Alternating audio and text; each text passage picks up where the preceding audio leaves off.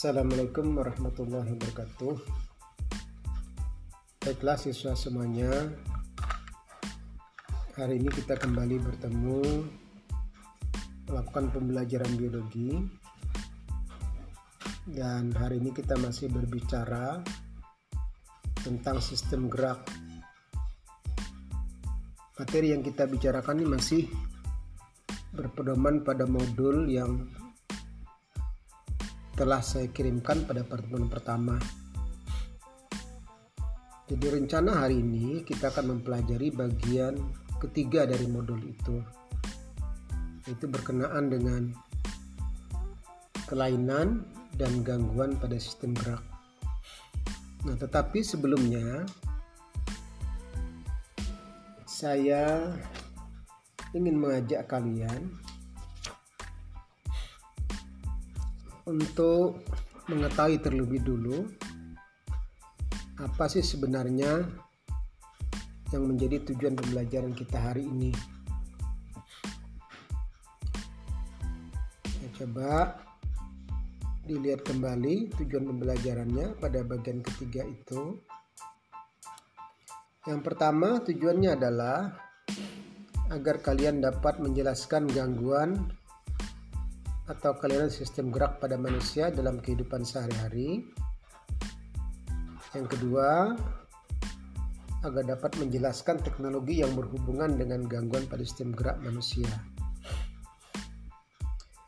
Nah, sebelum saya berbicara lebih jauh yang berkenaan dengan kelainan pada sistem gerak manusia ini, saya ingin menambahkan materi pembelajaran yang sudah kalian pelajari yang berkenaan dengan sistem rangka dan yang berkenaan dengan otot ya.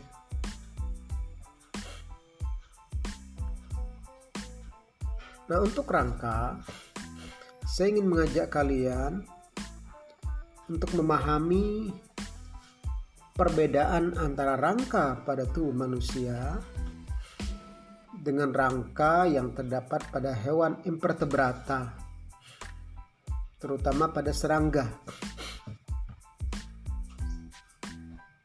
Jadi serangga itu punya rangka, tubuh kita juga punya rangka. Nah, antara rangka pada serangga dan rangka pada tubuh manusia itu ada perbedaan. Perbedaannya adalah minimal ada pada dua aspek. Aspek yang pertama dari segi letak, yang kedua dari aspek komponen penyusunnya. Dari segi letak, rangka serangga itu posisinya pada bagian luar tubuh dan fungsinya. Yang pertama sebagai pembentuk tubuh. Yang kedua berfungsi sebagai alat-alat eh, sebagai pelindung alat-alat dalam bagian tubuhnya. Dan tidak berperan sebagai alat gerak pasif dia.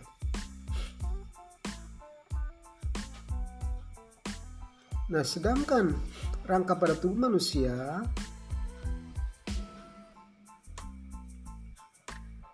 itu posisinya ada dalam tubuh yaitu dilindungi ini oleh otot dan kulit.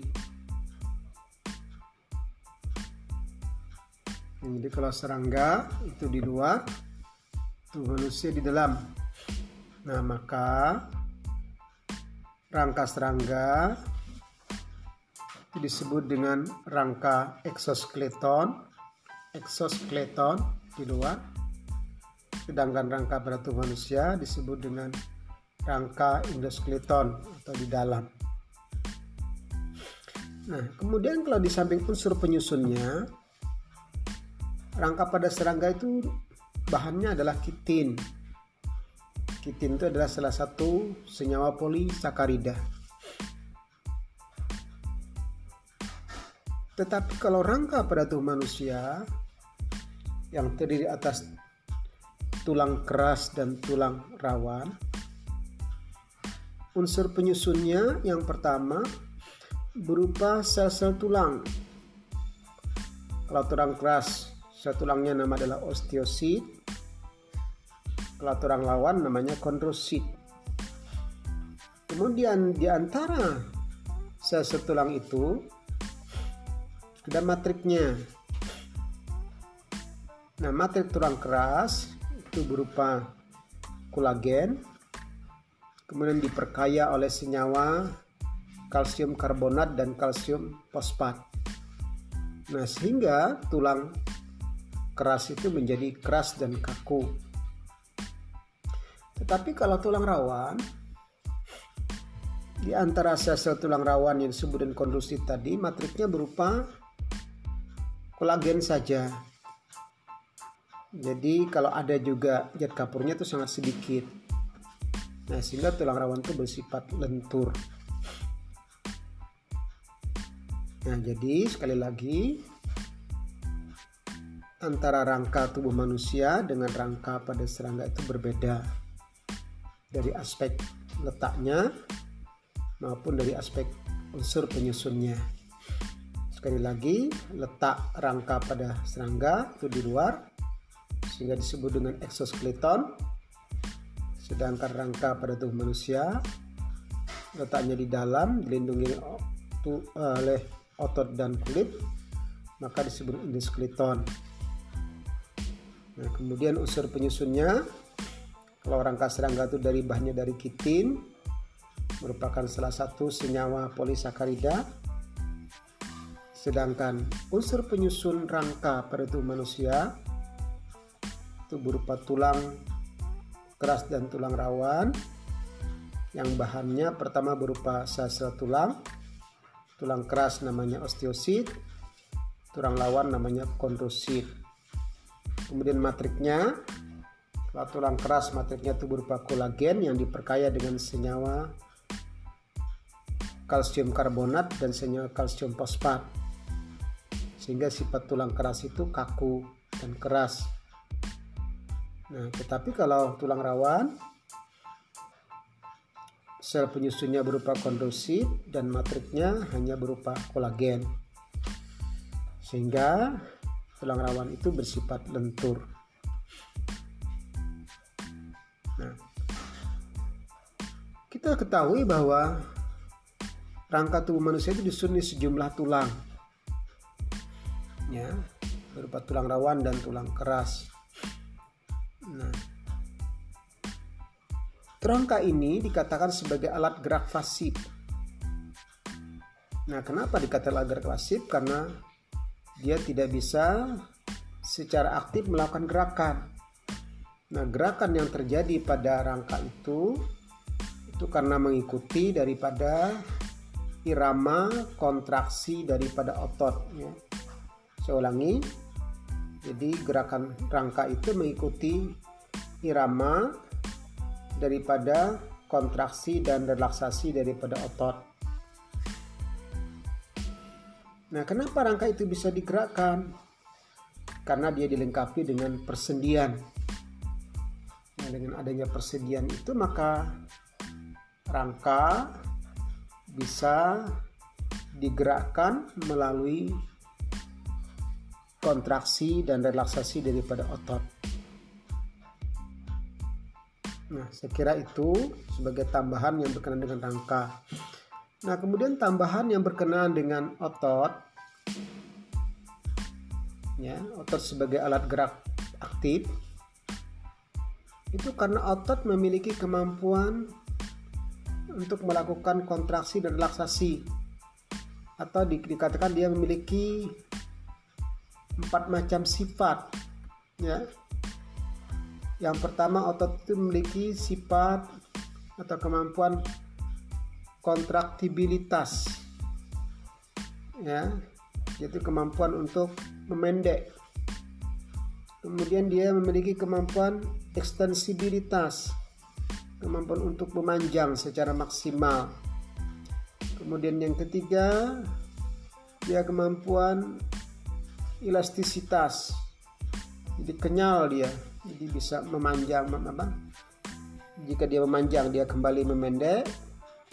Ini kalau dia memendek bisa kembali memanjang. Elastis elastis nah, kemudian terakhir dia berperan sebagai salah satu alat yang bisa menerima rangsang. Nah, kemudian otot ini ada tiga macam. Ada otot polos, otot lorik, dan otot jantung. Nah, yang terbanyak otot yang ada pada tubuh kita itu adalah otot lorik.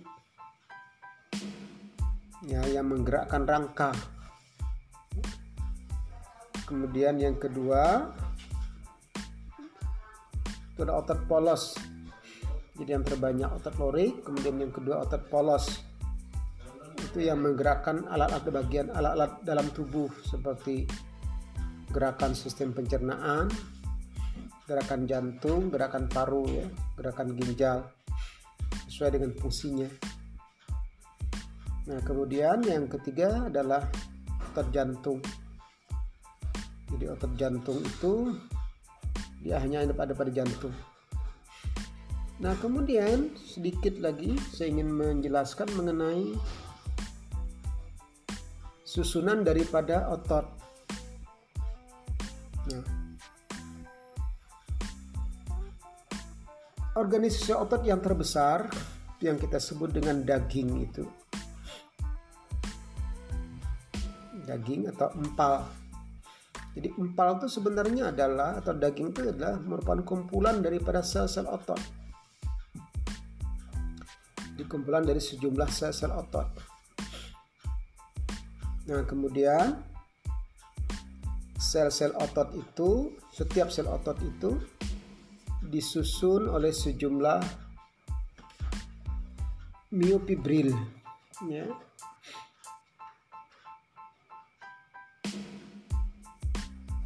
Nah, kemudian setiap miofibril itu disusun oleh filamin. Ada filamin aktin yang tipis, ada filamin miosin yang tebal. Nah, filamin filamin miosin dan aktin inilah yang memiliki kemampuan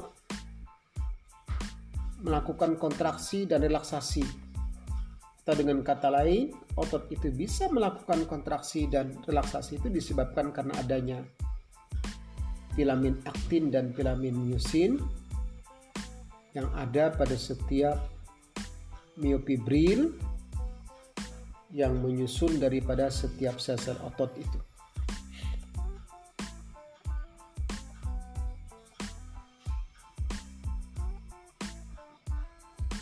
Nah, tetapi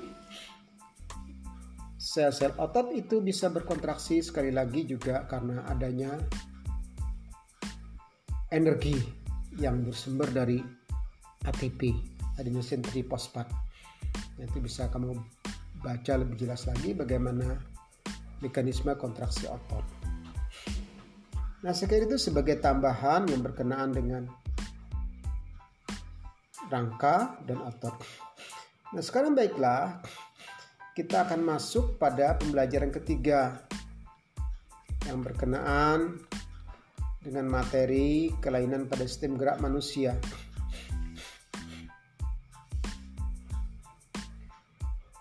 Jadi, tulang dan otot pada tubuh kita itu bisa mengalami gangguan atau kalian kelainan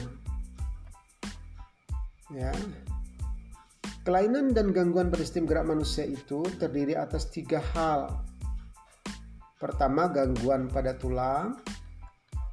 Ya. Kedua, gangguan pada sendi. Dan yang ketiga, gangguan yang terjadi pada otot.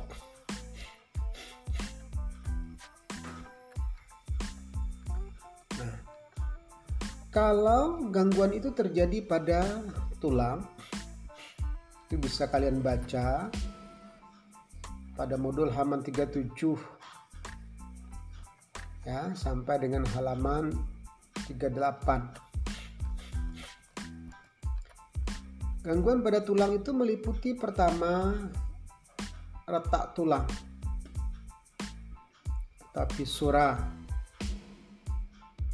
Jadi retak tapi dia patah. Tapi biasanya kalau retak itu jadi ada apa namanya tulang itu menjadi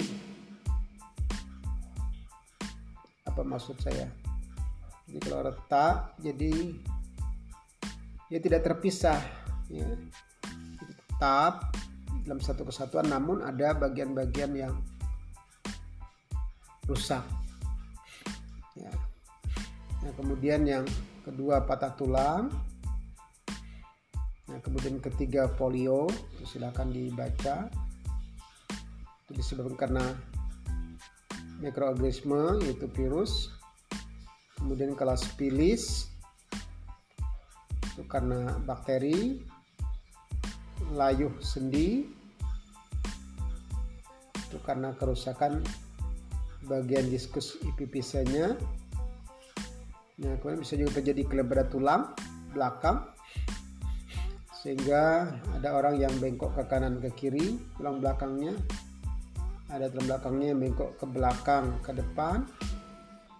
Ya belakang ada yang ke depan. Ada juga yang terjadi pada daerah leher sehingga kepalanya mengalami perubahan ke kiri atau ke kanan ya. Nah, kemudian yang berikutnya adalah osteoporosis. Tulang yang mudah rapuh itu disebabkan karena utamanya karena kekurangan kalsium biasanya nih. Ya. Kemudian nekrosa itu sel tulang yang mati. Kemudian osteomalacia itu keterlambatan proses osifikasi ya, sehingga berakibat kakinya bisa bertipe O atau X ya. Nah bisa. Kemudian yang berikutnya adalah osteomalacia. Ya, Kemudian rakitis, microcephalus,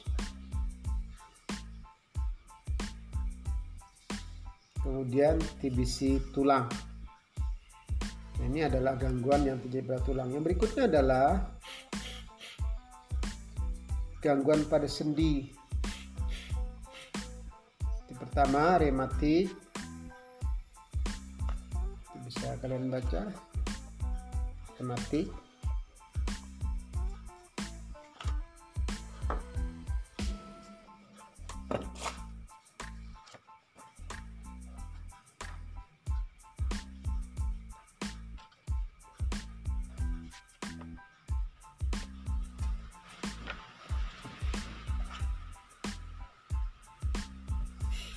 Kemudian yang kedua radang sendi. Radang sendi. Radang sendi ini ada empat macam. Yang pertama kalau radangnya terjadi pada cairan sinovial sehingga menimbulkan rasa ngilu pada saat digerakkan itu namanya artritis eksudatif kemudian yang kedua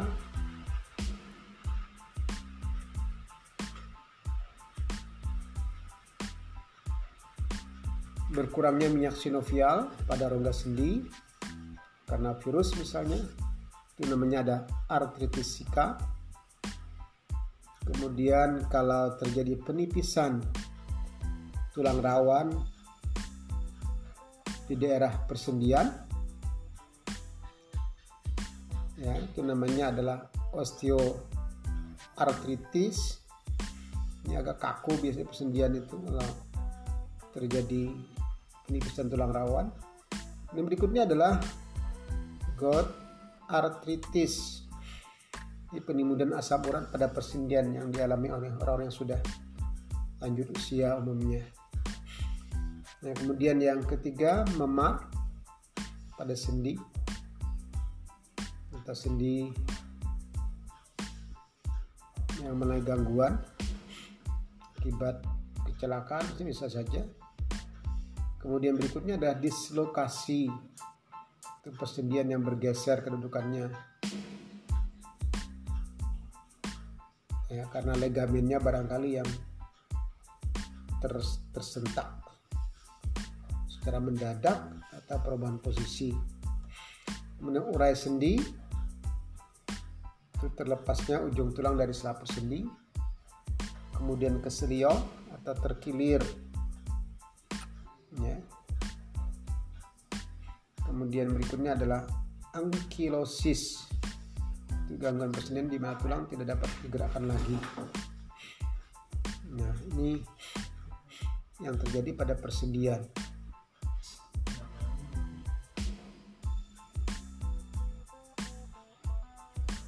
Nah, kemudian yang berikutnya adalah kelainan dan gangguan pada otot.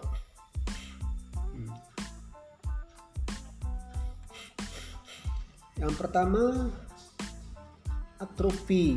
Ini biasanya otot mengecil. Bahkan kemampuan kontraksinya menjadi hilang. Ya. Ini biasanya orang-orang yang sudah tua itu ada kecenderungan otot-ototnya mengalami atrofi. Apalagi jarang digerakkan. Nah, kemudian hipertrofi itu justru kebalikannya dari atrofi tadi otot menjadi besar dan lebih kuat nah ini biasanya terjadi pada orang-orang olahragawan terutama binaraga itu mengalami hipertrofi ya.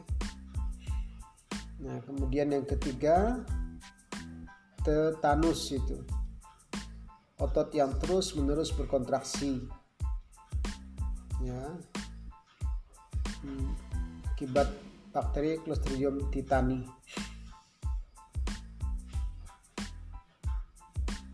Kemudian yang keempat, kaku leher. Jadi leher menjadi sakit, yang menjadi radang ototnya karena mungkin salah dalam mengambil posisi dalam pergerakan bagian leher. Kemudian yang kelima adalah miasthenia gravis. Jadi ototnya secara berangsur-angsur lemah. Bahkan bisa lumpuh dan kematian. Kemudian hernia abdominalis. Sobeknya dinding otot perut sehingga ususnya turun ke bawah. Sehingga ini sering disebut dengan burut ya dalam bahasa daerah. Yang ketujuh adalah kram, kejang otot. Ini biasanya kita kadang-kadang bisa mengalami kram otot ini. Mungkin karena kita bekerja terlalu berat, atau bisa juga karena pengaruh cuaca ya. Ini bisa terjadi kram otot ini. Nah, namun ketiga kelainan di atas itu bisa dibantu atau diatasi dengan menggunakan teknologi tertentu. Ya. Jadi kalau misalkan tulang yang mengalami gangguan itu ada beberapa teknologi yang bisa digunakan. Misalnya kalau patah tulang itu bisa dibantu dengan pembidaian. Ya, pembidaian. Di,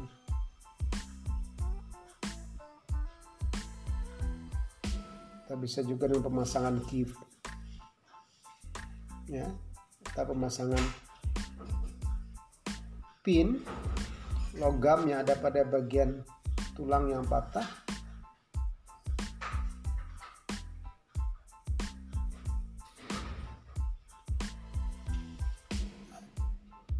kita bisa juga dengan alat bantu lainnya ya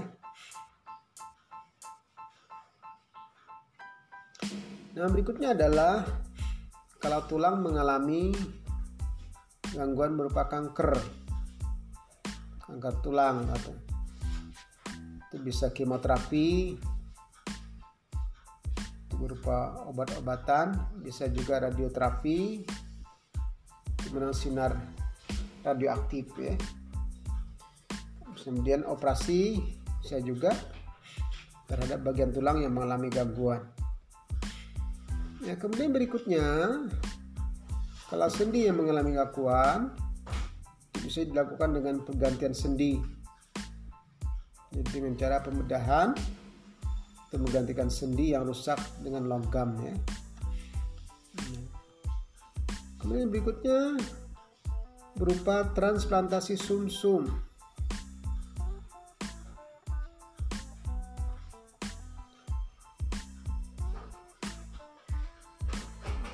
Transplantasi sum ini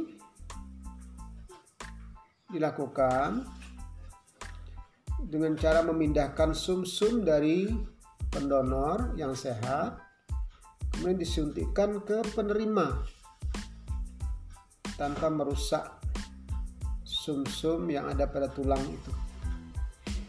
Ya. Nah kemudian berikutnya adalah penanggulangan skoliosis kongenitalis.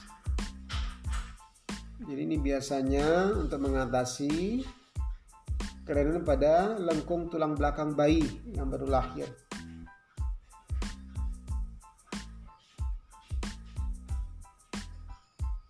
Nah, jadi dengan adanya penanggulangan skoliosis kongenitalis ini maka tulang belakang bayi itu bisa normal. Kemudian berikutnya adalah implan.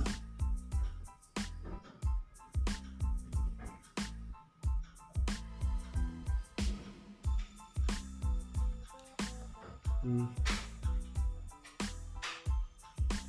Kemudian berikutnya ada tangan bionik tangan buatan yang fungsional sehingga dapat digunakan untuk memegang benda.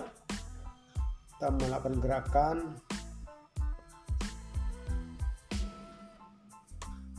Kombinasi tangan. Ya. jadi dengan tangan bionik ini maka orang yang mengalami gangguan persendian itu bisa melakukan aktivitas seperti orang normal kemudian lagi kaki bionik. Ya. ya sehingga kakinya bisa digunakan seperti orang-orang normal ya.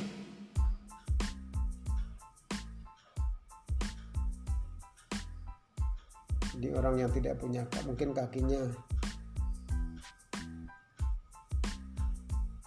mengalami gangguan Nah, tapi dengan kaki bionik ini bisa dapat melakukan gerakan seperti orang normal. Kemudian kursi roda, kemudian penanggulangan kaki oh di sini juga ada. Nah. Sampai pada skrup berbahan tulang. Ini fungsinya adalah menghubungkan bagian-bagian tulang yang akhirnya tumbuh menjadi tulang.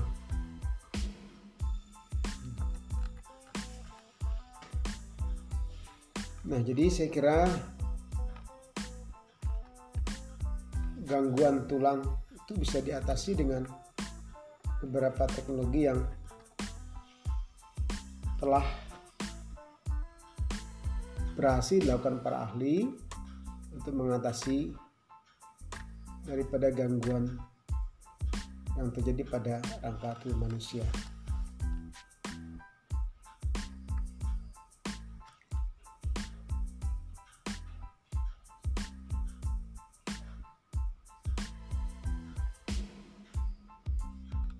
Segera silakan untuk dibaca lebih lanjut yang berkenaan dengan kelainan kelainan atau gangguan pada sistem rangka ini. Nah, sekarang sebagai bukti bahwa kalian telah mengikuti dan membaca modul ini, maka tolong kalian kerjakan tugasnya. Coba di situ di dari di modul itu. Halaman 41 itu coba perhatikan ada tugas penugasan mandiri. Nah di sana ada soalnya perhatikan gambar berikut ada gambar di sana ada pembukaan sendi. Nah kemudian pada gambar tersebut kalian deskripsikan gangguan pada sendi. Berupa apa aja gangguan pada sendi itu.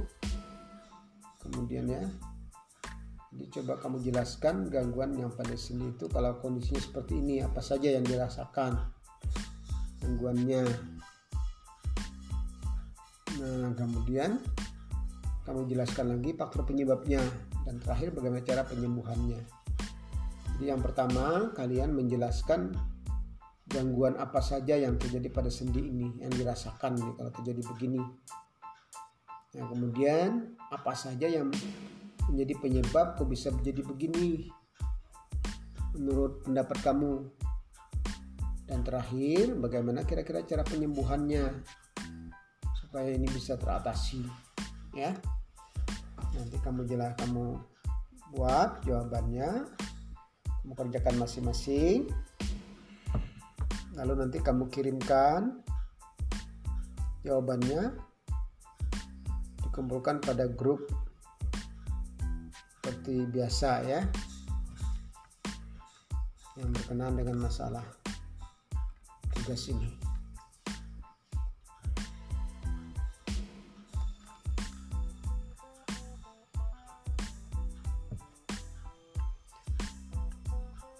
jadi saya kira itu yang bisa Bapak sampaikan pada kesempatan ini. Mudah-mudahan materi ini ada manfaatnya dan kalau sudah selesai materi ini kalian kerjakan dan tolong dikirim kembali lagi tugasnya melalui yang grup masing-masing.